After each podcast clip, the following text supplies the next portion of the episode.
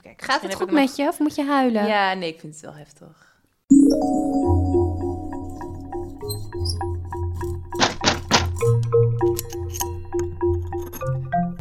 Al sla je me dood. Nou, ik heb een kogelgat in mijn voordeur.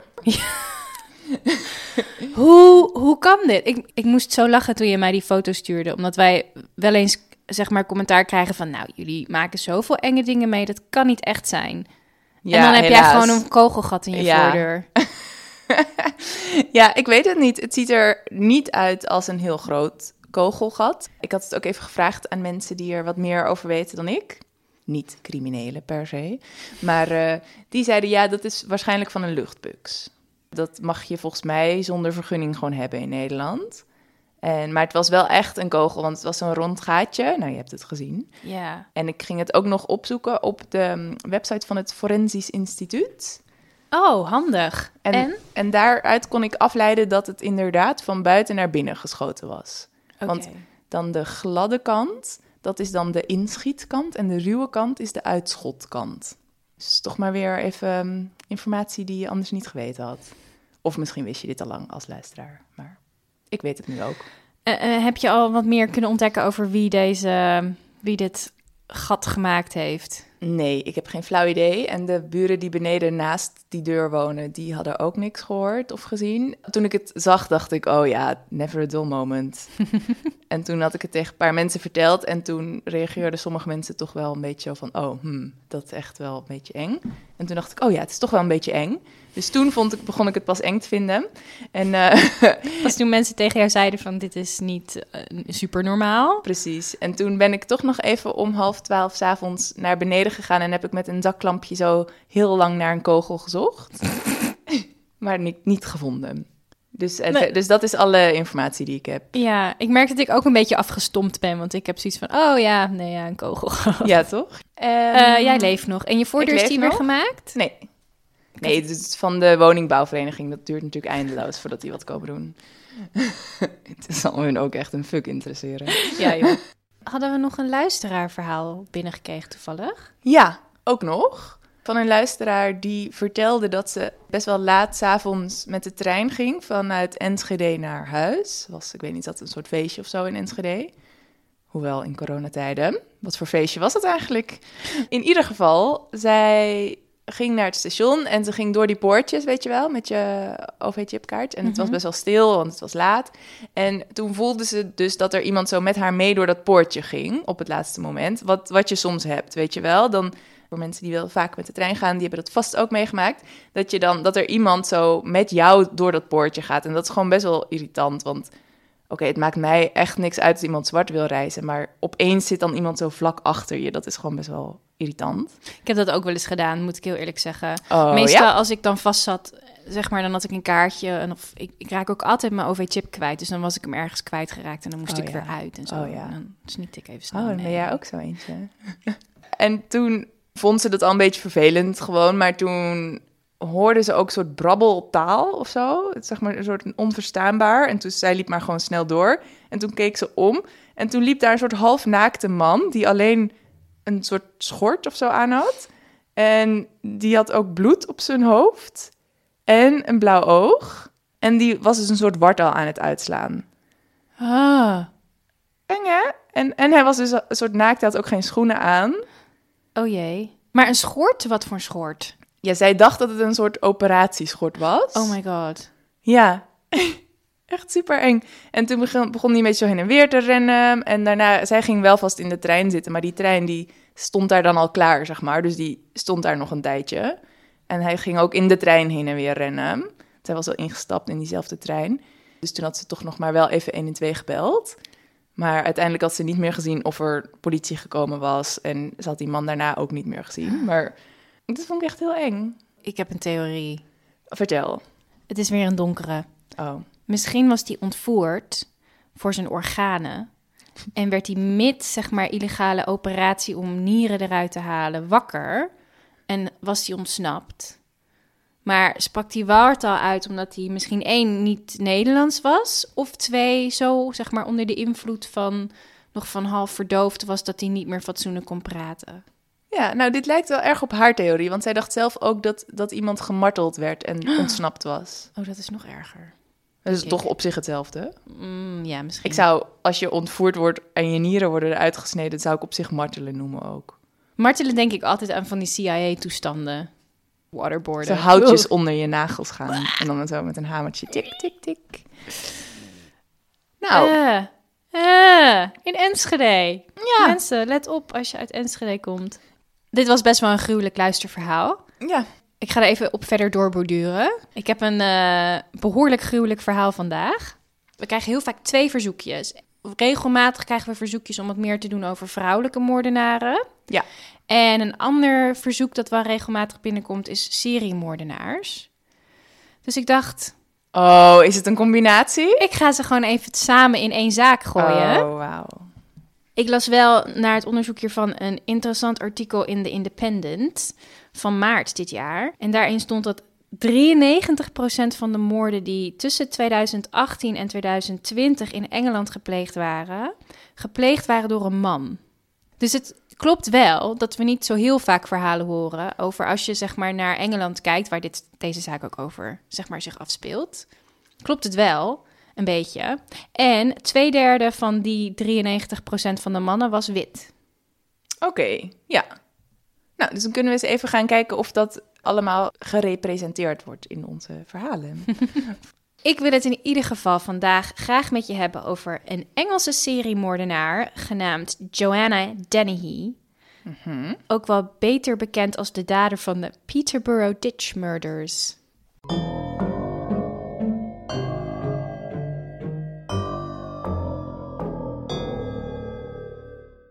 Joanna Dennehy was geboren op 29 augustus 1982 Oh, dat is nog maar pas geleden. ja, ze is helemaal niet zo oud. Ja. In het pittoreske St. Albans, Hertfordshire, in Engeland. Haar ouders waren Kathleen, die was werkzaam bij een supermarkt, en Kevin, die werkte als beveiliger bij een groot internetbedrijf. En ze had een jonger zusje, Maria. Joanna had een hele fijne jeugd. Ze kwam uit een warm gezin met liefdevolle ouders. En als kind was ze beleefd, vriendelijk, slim en haalde goede cijfers op school. Huh? Dat Ja. is raar. Zo, zo begint een verhaal meestal niet, maar Nee. deze wel. Oké. Ze had veel vrienden en vriendinnetjes en ze was als kind ook erg close met haar jongere zusje. En ze zat op hockey en netbal. En toen Joanna 12 was, had ze als droom om naar de universiteit te gaan en advocaat te worden. En haar ouders vonden dit geweldig en steunden daar heel erg in. En ze regelden zelfs bijles voor haar, zodat ze goede cijfers zou blijven halen op school. Dus eigenlijk had Joanna een doodnormale jeugd. Ja. Maar dit leuke plaatje sloeg ineens om toen Joanna een tiener werd. Ze werd koppig, opstandig en verloor haar interesse in school en begon te spijbelen. Nou, dat, ook dat is op zich nog steeds niet heel gek. Nee, dat klinkt redelijk normaal voor een tiener, maar bij Joanna bleef het daar niet bij. Ze kreeg verkeerde vrienden, begon veel te drinken, drugs te gebruiken en kreeg problemen met de politie voor allerlei diefstallen en gekke dingen die ze uithaalde. En, en hoe zeker weten we dat die jeugd echt zo gelukkig was? Nou, dat is, daar is behoorlijk diep ingedoken, omdat Ja. wat zij daarna doet zo ja. bizar is. Dus er Ja. zijn echt hele verschillende psychologen hebben zich daarin gebogen. En ehm, ja, daar komen we later op. Maar dit is, dit is vrijwel zeker dat er geen gekke dingen gebeurd zijn in haar jeugd. Ja. Oké. Volgens een oude schoolvriendin werd ze steeds manipulatiever tegenover haar vrienden. En ze begon andere klasgenoten genadeloos te pesten. En ze zeg maar na schooltijd in het fietsenhok opwachten om ze dan helemaal in elkaar te beuken. Echt verschrikkelijk. Ja. Toen ze 14 was, kreeg ze een serieuze relatie met de 20-jarige John Trenner. Haar ouders waren hier helemaal niet blij mee en ze werden een beetje wanhopig. Want zij wilden gewoon hun lieve dochter terug, die graag naar school ging en toekomstdromen had. Maar niets wat ze deden of zeiden leek door te dringen bij Joanna. En dit vriendje was dus ook een beetje een boefje. Was ook een beetje een boefje. En hoe meer haar ouders probeerden haar te corrigeren, hoe meer ze zich juist verzette. En hoe groter, zeg maar, die breuk tussen, tussen hun, hun werd. Joanna had hele andere plannen. En ze liep op haar veertiende weg met haar vriendje John. Nou, daar was ze niet heel erg goed in, want na een paar weken later werd ze alweer gevonden. Maar niet snel daarna liep Joanna weer weg met John. En deze keer verdween ze voorgoed. Oh, Het stel settelde zich in Luton en daarna Milton Keynes. Dat zijn steden net buiten Londen. En al snel kreeg Joanna, zelf nog een tiener, twee kinderen van John. oh shit. Toen haar ouders hun kleinkinderen wilden zien, zei Joanna dat dat alleen maar kon als ze er geld voor zouden betalen. Wow. En dit zorgde voor zo'n ruzie dat de relatie tussen Joanna en haar ouders voorgoed verbroken werd. Want ze hadden dus nog wel contact in die tijd dat zij weggelopen was en daar woonde. Ja, een beetje, maar nadat zij dus geld ging vragen om haar kinderen aan haar ouders, zeg maar, te laten zien, was dat het einde van hun relatie. Oh my god. En zij was dus 15, 16, Ja. misschien 17. Ja. Ja. Ondanks dat ze toch heel snel twee kinderen had gekregen met John, liep haar relatie met John ook niet op rolletjes. Ze ging heel vaak vreemd en ze werd agressief in haar gedrag tegenover hem. Ze verdween hele dagen en soms weken van huis, om daarna stomdronken op te komen dagen en doen alsof er niks gebeurd was. Voor werk deed Joanna klusjes op nabijgelegen boerderijen en al haar geld ging direct naar drank en drugs. Ze gaf niks zeg maar, aan het huishouden van de kinderen.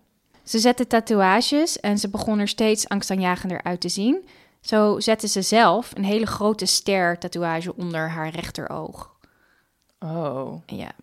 Daarnaast kreeg ze een fascinatie voor messen en ze droeg er altijd eentje bij zich. Ze had zo'n echte dolk. Weet je wat ik bedoel met daarmee? Ja. Zo'n soort van mes met een krulletje erin, dat Ja. echt een soort van middeleeuws eruit ziet.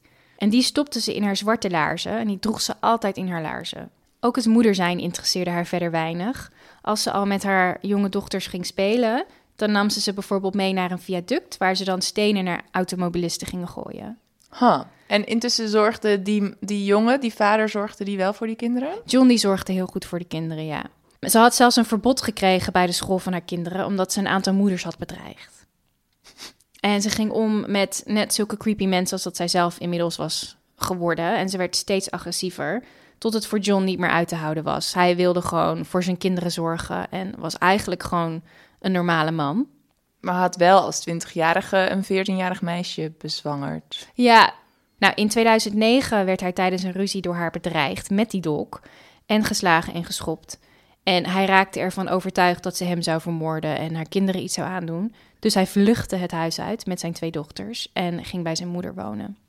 Nu Joanna dus geen gezin meer had om bij thuis te komen, ontspoorde ze nog erger. En toen was ze inmiddels waarschijnlijk boven de 18. Ja, ze raakte steeds weer in contact met de politie. Ze pleegde diefstallen. Ze zwaaide haar mes rond in het openbaar. Ze had eh, een hond van een gevaarlijk en verboden ras. Ik weet niet precies welke, maar dat kan je wel invullen zelf. En ze begon af en toe te werken als prostituee. In 2012 belandde ze zelfs drie maanden in de gevangenis van Peterborough voor het plegen van een diefstal. En het was ook in die tijd dat ze drie dagen opgenomen werd in een psychiatrische inrichting voor evaluatie door een forensisch psychiater. Deze psychiater diagnosticeerde haar met een antipersoonlijkheidsstoornis en ook met de parafilie sadomasochisme, Oh ja. wat feitelijk betekent dat ze opgewonden werd van pijn, zowel het geven van pijn, dus iemand pijn doen, als zelf pijn hebben. En daarnaast vertonen ze tekenen van psychopathie, met name intense woedeaanvallen en agressie. Dus al met al een behoorlijk angstaanjagende diagnose. Ja, en ook een interessante op het gebied van de nurture-nature discussie. Omdat dus zo goed onderzocht is dat er in haar jeugd, in haar vroege jeugd, niks heel geks is gebeurd. Dat dit dus misschien toch ook aangeboren kan zijn. Ja, daar ziet het er wel naar uit bij haar. En dat is ook een van de dingen waar mensen zo gefascineerd van zijn met haar, met haar zaak. De psychiater schreef haar medicatie voor in een poging om haar soort van enge woedeaanvallen meer onder controle te krijgen, maar tevergeefs. In 2013 inmiddels ontmoette Joanna de 48-jarige Kevin Lee.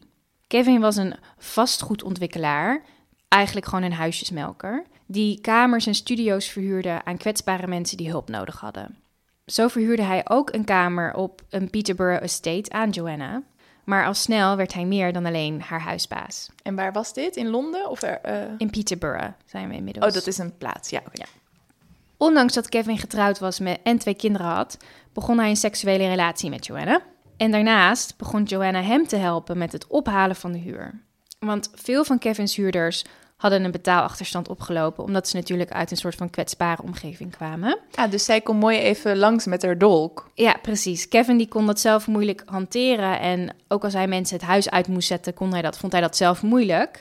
En Joanna met haar bedreigende houding en mega creepy uiterlijk met die zelfgezette tatoeage op haar wang ehm, en haar dolk, die waren natuurlijk een aanwinst, want ze joeg mensen echt te stuipen op het lijf. Dus ze begon deze zaken voor Kevin te regelen en ze vond het zelf ook superleuk. Ze werd een soort van deurwaarde voor hem. En om zichzelf nog enger voor te doen dan dat ze al was, eigenlijk, vertelde Joanna tegen mensen dat ze net vrijgelaten was uit de gevangenis, waar ze acht jaar in de cel had gezeten voor het vermoorden van haar vader. Maar dit verhaaltje zorgde er wel voor dat mensen nog meer angst voor haar kregen en daardoor werd ze nog meer effectief in haar werk. Ja. En in ruil voor deze werkzaamheden en natuurlijk die seksuele relatie die ze hadden, mocht Joanna huurvrij in twee kamers van Kevin wonen. Oké. En dit zijn een Goeie soort deal. van bedsits, heet dat in, in het Engels. Dat zijn een soort van, ja, wij zouden het een kamer noemen, maar het is zeg maar een soort van klein compact studiootje waar je wel nog een eigen koelkastje en een soort van kookmogelijkheden hebt. Maar dan deel je een badkamer en een toilet. Oké, ja. Ondanks de vele onaantrekkelijke kwaliteiten van Joanne, bijvoorbeeld de dolk die stevast in haar schoen zat, de gezichtstatoeage, haar grote mond en agressiviteit, waren er toch best wel veel mannen en vrouwen geïnteresseerd in haar. Ze kon namelijk heel goed flirten en manipuleren. En als jij dat ook leuk vond, was niets haar te gek in bed. En wat je natuurlijk bij veel psychopaten ziet, is dat ze heel goed kunnen manipuleren. En ze kon er ook echt de juiste mannen uitzoeken die dan heel erg gevleid waren door haar aandacht. En die een beetje kwetsbaar waren en juist ehm, heel erg met haar mee zouden gaan. En, dat vond ik ook grappig, ik heb een documentaire gezien over deze zaak. En een van die psychologen die daarin aan het woord was, die zei ook dat voor sommige mannen de gedachte aan eh, zeg maar het bed delen met een ontzettende crazy chick juist een enorme fantasie is. Oh ja? Ja, dus dat er ook een soort Ah. van, ja, heel veel mensen, mannen waren er toch wel in geïnteresseerd. Oh, wat interessant ook weer. Lukas Slabojewski, die was zo'n man die geïnteresseerd was in Joanna. De 31-jarige ware huismedewerker had Joanna in de kroeg ontmoet. En nadat ze elkaars telefoonnummers hadden uitgewisseld, begonnen ze te sms'en. En dat werd daar snel seksueel getint. En na een aantal dagen, op 19 maart 2013, nodigde Joanna Lucas uit om bij haar langs te komen in een van die bedsits waar ze gratis woonde. Denkend dat hij waarschijnlijk ging scoren, ging Lucas naar Joanna's huis. Eenmaal daar aangekomen, terwijl hij nog in de gang stond, stak Joanna hem onmiddellijk in zijn hart. Oh, wauw. Ze stak hem één keer zo hard en zo snel dat Lucas bijna onmiddellijk stierf. Oh, wow. Daarna stopte ze zijn lichaam in een vuilniscontainer. Oh my god. Van die groene bakken die je thuis hebt staan. Ja. Maar dus ook niet, zeg maar, er was niet nog een soort aanleiding. Of dit, ze dacht gewoon, nou, dat ga ik eens even doen. Ja, motief is eh, onduidelijk. Ja. Omdat ze ook wel snapte dat ze niet zomaar een dode man in een vuilniscontainer kon stoppen. En dat het dan zeg maar op dinsdag op straat gezet kon worden en opgehaald werd door de vuilnismannen. Had ze een beter plan nodig. En daarom belde ze een vriend en een andere bedpartner van haar. Een man genaamd Gary Richards. Gary stond beter bekend als Gary Stretch. Omdat deze man maar liefst 2,20 meter lang was. Ah, wauw. Ik dacht dat hij heel goed yoga kon. Ik vind het ook een grappige bijnaam, Stretch. Ja. Joanna had hem ontmoet nadat ze allebei rond dezelfde tijd uit de gevangenis waren vrijgelaten. Waar Gary ook had vastgezeten wegens een reeks inbraken. Gary Stretch en een vriend van hem, genaamd Leslie Layton, haalden het lichaam van Lucas op en dumpten het in een greppel in Thorny Dike, zo'n 16 kilometer van haar huis vandaan. Oké. Dat is ook niet heel erg slim. Niet, nee, je moet vaak wat verder weggaan. Ja. Nou, Joanna's levensverhaal is tot nu toe echt een soort van crescendo. Alles leidde tot dit punt waarin ze echt de realiteit verloor en iemand vermoordde. En nu ze het eindelijk heeft gedaan, kan ze niet meer stoppen en escaleert ze nog verder. Zo'n tien dagen later heeft ze een nieuw slachtoffer gevonden in de 56-jarige John Chapman, een huisgenoot van haar in een van de woningen waar ze een kamer had. John was een vriendelijke, wat teruggetrokken veteraan van de Falklandoorlog. John was een keer de badkamer ingelopen terwijl Joanna daarin zat. En dat had geleid tot een enorme ruzie. Ah, dus dat was al genoeg motief voor Joanna. Mhm. De spanning was zo hoog opgelopen tussen die twee huisgenoten dat John tegen verschillende buren had gezegd dat hij bang was dat ze hem iets zou aandoen. Op 29 maart 2013 viel Joanna hem aan met een mes terwijl hij in zijn bed lag. Het is ook echt vlak na die andere moord. Tien dagen daarna. Ja. Joanna stak hem één keer in zijn nek en vijf keer in zijn borst. En een van die messteken ging rechtstreeks door zijn hart met zo'n kracht dat hij ook vrijwel direct overleed. Ook deze keer zocht ze de hulp van Gary Stretch. Ze stuurde hem een sms'je met de woorden... Oops, I did it again. En Car- Gary kwam weer eh, opdraven. Gary en zijn handlanger Leslie die kwamen weer opdraven... en dumpten het lichaam van John Chapman in precies dezelfde greppel... naast het lichaam van Lucas. Ja, oké. Ja, die greppel die begint al aardig vol te raken. Nog diezelfde dag, Oh, nee. 29 maart 2013... lokt Joanna Kevin Lee, haar huisbaas en lover... en een soort van baas eh, waar zij duurwaarde voor speelde... Oh nee, het is, volgens mij zit ze echt zo... "Hmm, wie ken ik nog meer? Ja, zo even het telefoonboek erbij halen. Ja, precies. Zoals je soms misschien ook zou kunnen denken dat je dan denkt... oh ja, wie, wie kan ik nog eens bellen om weer eens even... weet ik veel mee af te spreken of zo. Doet Ja. zij dit dus op die manier? Ja. Ook Kevin werd, zodra hij het huis binnenliep, doodgestoken. Vijf keer in zijn borst. En Gary Stretch en Leslie dumpten het lichaam. Deze keer in een greppel bij een boerderij in het nabijgelegen Newbury. Waren die twee handlangers gewoon maar blijven wachten, zeg maar? Aangezien het nog op dezelfde dag was? Geen flauw idee, Dus maar het waren weer- allebei... Nou ja, het is vooral die Gary Stretch was echt enorm onder de indruk van Joanna. En ze had hem volledig onder de duim. Hij was ook niet zo heel erg eh, slim en was gewoon helemaal hotel de botel van haar. En die andere handlanger, geen flauw idee wat hem bezielde. Ja, oké. In een poging om Kevin ook nog postmortem een beetje te beledigen, kleedde Joanna hem in een zwarte glitterjurk. En ze positioneerde hem in een soort van seksuele positie met zijn billen ontbloot en in de lucht. In die greppel. In die greppel werd hij zo gevonden. What the fuck? Ja. Het is echt, zeg maar, als je al denkt, nou, dit zijn er al drie achter elkaar, dat is al heel freaky en, en zo. Maar ja, dan- wacht maar. Oh, oh. Toen Kevin die avond niet thuis kwam, trok zijn vrouw Christina meteen aan de alarmbellen. Inmiddels wist Christina van de affaire tussen Kevin en Joanna en had Kevin haar toevertrouwd dat hij een beetje bang van haar was geworden. Oké, ja. Christina schakelde de politie in en ging samen met hen langs de verschillende huizen die Kevin beheerde, eh, om te kijken of hij daar was en of iemand hem misschien gezien had. Toen ze bij het huis van Joanna aankwamen, was dat leeg. Helemaal leeg? Zeg Was- maar ook geen spullen van Joanna? Nou, ze stonden voor de deur en er was niemand. Oké, ja. De politie braken in, zeg maar, met toestemming van Christina, die dus ook een huiseigenaar was. En hoewel er op het eerste gezicht niets geks aan de hand leek te zijn, vertrouwden ze toch niet, omdat het heel erg naar bleekmiddel rook daarbinnen. Oh, want er was ook schoongemaakt, ja. En na nader onderzoek vonden ze een aantal bloedsporen en een bebloed matras in de achtertuin. Amper een dag later, op 30 maart, vond een boer het lichaam van Kevin. Een paar meter verderop vond de politie ook de uitgebrande auto van Kevin Lee. En al snel kon er een verband gelegd worden met Joanna. In de auto lag namelijk ook Kevins telefoon. En daaruit bleek dat hij meerdere malen vlak voor zijn dood een bepaald nummer had gebeld. Dat nummer bleek van niemand anders dan Joanna Dennehy te zijn. Oh ja, dus dat was voor, dat hij, voordat hij voor de deur stond, zeg maar. Ja. Ja.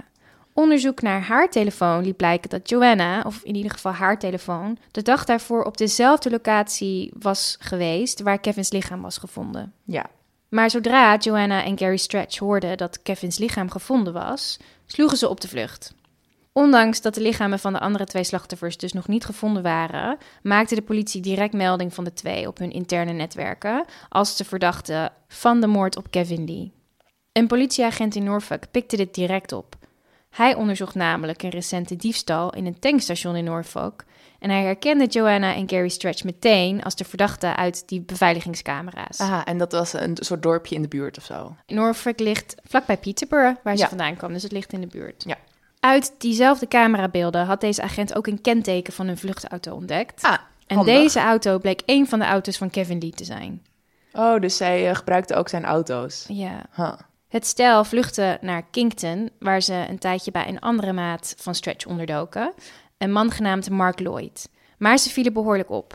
Niettemin omdat Gary Stretch dus een man van 2,20 meter was. Dus heel erg incognito kan hij ook niet door het leven gaan überhaupt. Ja, en zij, een vrouw met een volgetatoeëerd gezicht, daar rondliep ook. Ja, en ze bleven ook misdaden en diefstallen plegen. Joanna die dronk whisky, nam drugs, bleef met haar dolk in het openbaar zwaaien.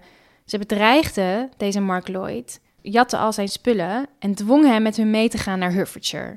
Oké. Mark, die inmiddels doodsbang van haar was, ging onder dwang met hem mee. Zij was een soort van gekidnapt. Ja. Nou, deze drie mensen, dus Carrie, Joanna en Mark, die gaan in een auto naar Hertfordshire. Carrie Stretch is Ja. nog steeds eh Hotel de Botel. Ja, die is nog steeds de handlanger. Oké. En die Mark Lloyd die zit daar soort van onder dwang. En hij beschreef echt een bizarre scène... waarin Joanna nog meer volledig ontspoorde. Eenmaal in Herefordshire aangekomen... rijdt het drietal een beetje rond. Tot Joanna ineens tegen Gary zegt... Vind me iemand om te vermoorden. Wow. Ik wil geen vrouw of kind, ik wil een man. Ik wil een man vermoorden, vind me iemand. Oké, en die drie daarvoor waren ook mannen. Dus ze, ze is wel specifiek in, eh, in de targets. Ja, ze heeft wel een type. Nou, die Gary kijkt een beetje om zich heen en hij ziet een man op straat lopen. En hij wijst ernaar en hij zegt: Deze?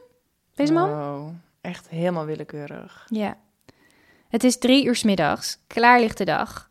De scholen waren net uit en de straten liepen vol met schoolkinderen en ouders.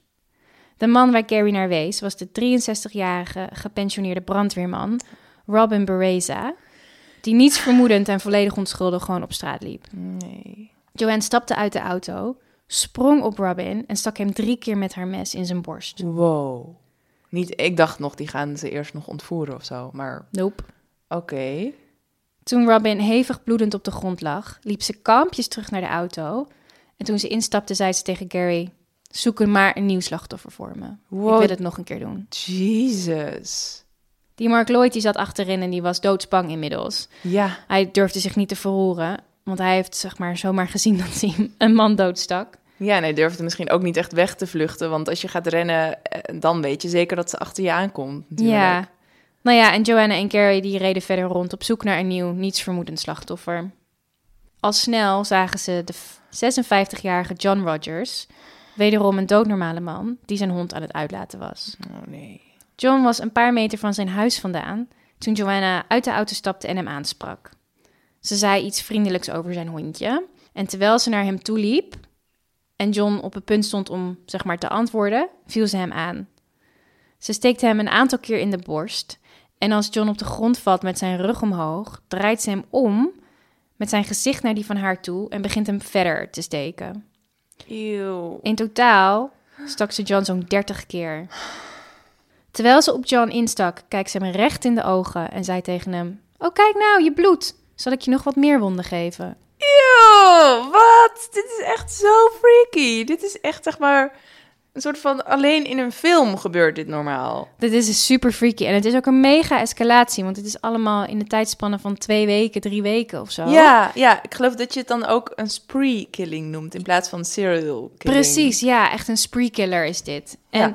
Het is ook een escalatie in toename van geweld, want de eerste die steekt ze met één keer neer, Ja, de ja. volgende met vijf keer en nu al dertig keer steekt ze op deze man in. Ja, met, en met dat wat ze erbij zegt. En, en die hond? Nou, toen John uiteindelijk bewusteloos op de grond lag, jatte ze zijn hond, sprong ze weer in de auto en reed weg. Want die hond had niet, was niet haar gaan bijten of zo. Het is ook lekker... eh, nee, ik denk le- dat het gewoon een lief hondje was misschien. Ja, niet echt een lekkere waakhond. Nee, geen waakhond in ieder geval. Terwijl ze wegreden, keek Joanna niet eens om. En dit weten we ook allemaal later van... Mark. Ja, Ja. Deze hele aanval was van begin tot eind op beveiligingscamera's vastgelegd. ja, en dat interesseerde haar dus ook geen fuck. Het was niet eens bang om opgepakt te worden. En er zijn theorieën dat ze dat zelfs wilde. Ze had zoiets van, ik ga gewoon door totdat ik opgepakt word. En dan zien we wel weer verder. En volgens een verbijsterende Mark zegt Joanna als ze weer in de auto stapt... Dat was fijn, ik wil er meer doen. Het was natuurlijk klaarlichte dag en zelfs wel een best wel drukke straat. Dus zowel Robin als John die werden snel geholpen door omstanders. Beide mannen werden met een helikopter met spoed naar het ziekenhuis gebracht. En gelukkig overleefden beide mannen deze Oh. aanval. Oh, wauw. Ja. Dat is ook een beetje gek. Want Ja. die eerdere keren had ze dus met een soort van één messteek in het hart die mensen vermoord. En nu met 30 messteken overleefde ze het.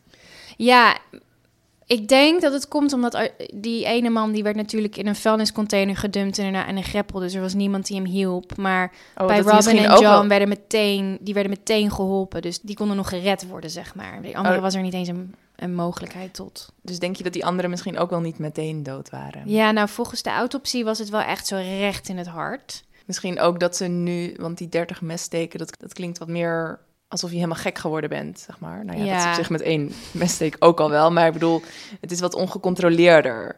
Dus misschien dat ze ook wat minder specifiek aan het steken was. Ja, en minder gepland ook. Hè. Die eerst Ja. had ze nog die mensen naar haar huis toegelokt. En Ja. bij die John Chapman, haar huisgenoot bijvoorbeeld, die lag gewoon in bed te slapen. Dus dan Ja. had ze misschien Kon, kon ze even richten. Ja, jeetje. De politie staat inmiddels in hoge staat van paraatheid. Die zijn natuurlijk overal op zoek naar die Joanna. Ja, want ze weten ook gewoon meteen wie ze moeten hebben waarschijnlijk, toch? Want dat is door zoveel mensen gezien. Precies. En ze waren al op zoek naar Joanna en Carrie. En als de auto met Joanna, Carrie en Mark bij een aantal winkels stopt, echt niet zo heel ver vandaan van waar ze die John waren aangevallen, Ze gingen even een broodje kopen. worden ze meteen overmeesterd door de politie. Oké, Joanna is echt ijzig kalm. Ze werkt meteen mee en ze is super lief en vriendelijk tegen de politie. Jezus. Eenmaal in het politiebureau was ze aan het lachen en ontzettend aan het flirten met alle politieagenten.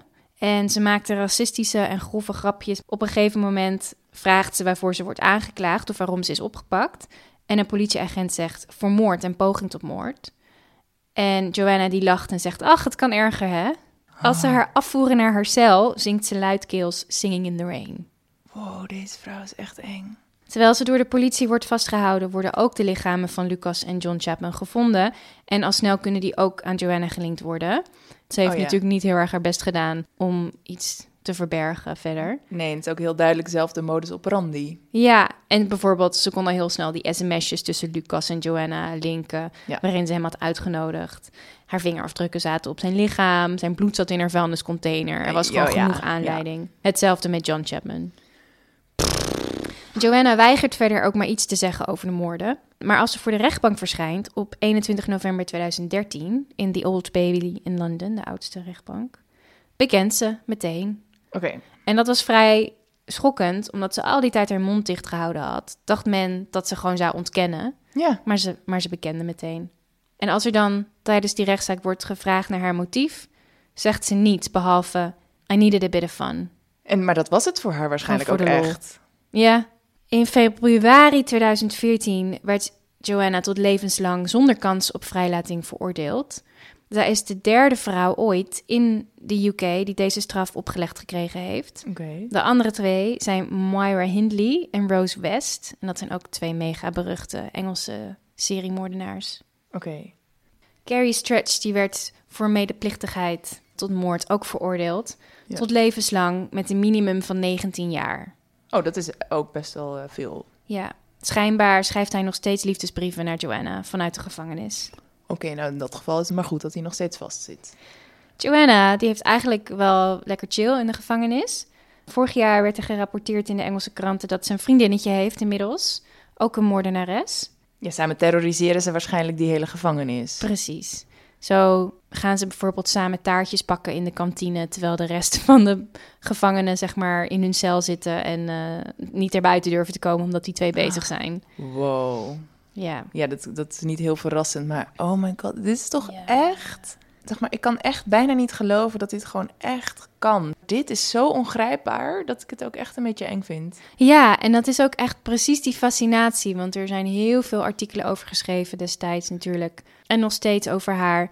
Het feit dat ze een vrouw is, is al zeg maar vrij bijzonder, zoals we al net besproken hebben. Maar ook dat er gewoon totaal geen motief voor is. En inderdaad, wat je zei, er al geen aanleiding voor is. Er is niks in haar jeugd gebeurd. Het was gewoon, gewoon een normale vrouw die gewoon een complete psychopaat werd. Ja, of dus misschien wel als je dan bedenkt dat het misschien iets aangeborens is en dan pas zich gaat manifesteren op een wat latere leeftijd. Of zoiets. Nou, weet je nog dat Joanna had natuurlijk twee dochters. Oh ja, oh, dat is ook echt zo zielig Ja. als je haar dochter bent. Nou, de ene dochter, die heet Cheyenne. Die heeft een aantal keer ook in de media gesproken, interviews gegeven en ze heeft meegewerkt aan een documentaire. En die heeft het heel moeilijk gehad met, zeg maar, opgroeien met wetende dat haar moeder zo'n enorme psychopaat is. Schijnbaar tijdens haar jeugd vroeg ze zichzelf ook af of zij ook een psychopaat was en of zij ook een moordenaar zou worden. Ja, want je deelt toch DNA. Dat zou ik ook me afvragen. Ja. Maar inmiddels gaat het goed met haar en eh, heeft ze het, zeg maar, kunnen verwerken en snapt ze ook wel dat zij niet haar moeder is. Ja, en ze was natuurlijk gelukkig ook grotendeels door die vader opgevoed, sowieso al. Ja, en die vader, die John Trenner, die heeft ook heel veel interviews gegeven. En die vond ik nog wel lijken op een normale man die gewoon het beste voor zijn dochters voor had en eh, zijn best deed, zeg maar. Dus ondanks dat hij toch wel een beetje, een beetje een vaag typeje was door als 20-jarige met een 14-jarig meisje weg te lopen en haar zwanger te maken. En ook nog wel best lang met die kinderen bij haar te blijven, terwijl zij al helemaal ontspoorde. Ja, ondanks zeg maar dat twijfelachtige geval was het wel gewoon een goede gast verder. En was dat zeg maar het ergste wat hij op zijn kerfstok heeft. Ja, want die dochters zijn dan intussen ook wel al volwassen, denk ik. Ja, in- die zijn inmiddels ook volwassen. Ja, ja. Maar en voor haar maakt het dus geen fuck uit, want zij zit nu gewoon lekker in de gevangenis. Maar- ze heeft het daar wel prima. ja, ja, daar is ze ook gewoon eh, de baas. Lekker de boel terroriseren met Ja. een vriendinnetje. Ja, Heftig, hè? heel heftig. De grote wat moet je doen als je bijna vermoord wordt tip. Kaboing. Ik heb nog wel een goede tip. Oh, niet per se in relatie met dit verhaal, maar dat hoeft niet, toch? Nee, dat hoeft niet. Nou, ergens wel een beetje heeft het een relatie met dit verhaal. Het gaat over het onthouden van kentekens. Oeh. Want dat is natuurlijk vaak heel handig als je een kenteken van een verdachte auto goed kan onthouden. Nou, ook in dit geval, omdat ze natuurlijk met een auto waren. Dan wil je natuurlijk ook tegen de politie kunnen zeggen welk kenteken die auto had. Mhm. Dus eigenlijk moet je een beetje in je systeem krijgen dat je goed kentekens onthoudt. Nou, nu is het zo dat ik zelf vind ik het altijd heel leuk om andere talen te leren. En soms is dat een beetje vanuit iets praktisch, dat ik naar een land toe ga bijvoorbeeld en die taal even een beetje wil kunnen. En wat ik dan altijd doe, is dat ik al bijvoorbeeld in Nederland als ik ga hardlopen of gewoon op straat fiets of zo, dan ga ik heel goed naar alle kentekens kijken en dan die getallen die in kentekens staan, zeg maar, dan in mijn hoofd in de taal zeggen die ik aan het leren ben. Huh. Snap je? Dus dan zie ik ergens zo 1, 2, 3 en dan weet ik veel, ben ik Frans. Undo stress. Precies, bijvoorbeeld, ja. Ja, en dan ook 123 bijvoorbeeld. Dus dat ik die getallen een beetje oefen. En op die manier zit al heel erg in je systeem dat je dus constant op kentekens let en er, en er, en er ook soort bruggetjes maakt van waarom je iets onthoudt en zo. Ah. Ik vind het sowieso wel goed om daar vaker op te letten. Dat is wel echt een goede tip. Ja, ik Ik ga het ook wel... proberen. Kijken of het me ook lukt. Hoewel ik niet heel erg veel talen spreek. Maar Nou, dan, dat is dus ook een goede aanleiding om een taal te leren. Dat is Ja. ook leuk. ja. Dus dan en leer je een taal, of in ieder geval toch de getallen in die taal. Dus, nou, als je dingen wil kopen daar, dat is dan handig. en je, het raakt een beetje in je systeem om überhaupt naar kentekens te kijken. Dus Ja. dan doe je dat denk ik ook eerder op het moment dat het ook echt nodig is. Ja. Hey, en eh, je kan ook even naar onze Petje Af pagina gaan. Petje.af slash als sla je me dood. Daar kun je bijvoorbeeld een special over verhoormethodes... of een bonusaflevering over Noord-Korea... of nog allemaal andere dingen kun je daar vinden. Eén bonusaflevering is gratis, allereerste over Wallace Quidros. Er komt En- ook een bonusaflevering aan, of staat er al op, over mysterie van vorige levens. Ja, de reïncarnaties. Ga maar even kijken daar. En we hebben ook deze week weer allemaal nieuwe detectives daar mogen verwelkomen. Ja, Superleuk. komen ze. Dankjewel, Esme, Miranda, Femke, Suus, Sophie Barbara. en Annabelle. En je kan ook, ons ook nog volgen op Instagram en Facebook en Spotify en Apple Podcasts en Google Podcast en andere podcast dingen. Ja. En ga geen eh, mensen zomaar op straat vermoorden, alsjeblieft. Och, ja, nee. Doe dat maar eh, even niet. Zeg maar, ga überhaupt geen mensen vermoorden trouwens. Nee. Lijkt ons En beter. word niet vermoord ook. Dat vind ik een betere. Ook dat is handig. Ja. Oké, doei! Doei!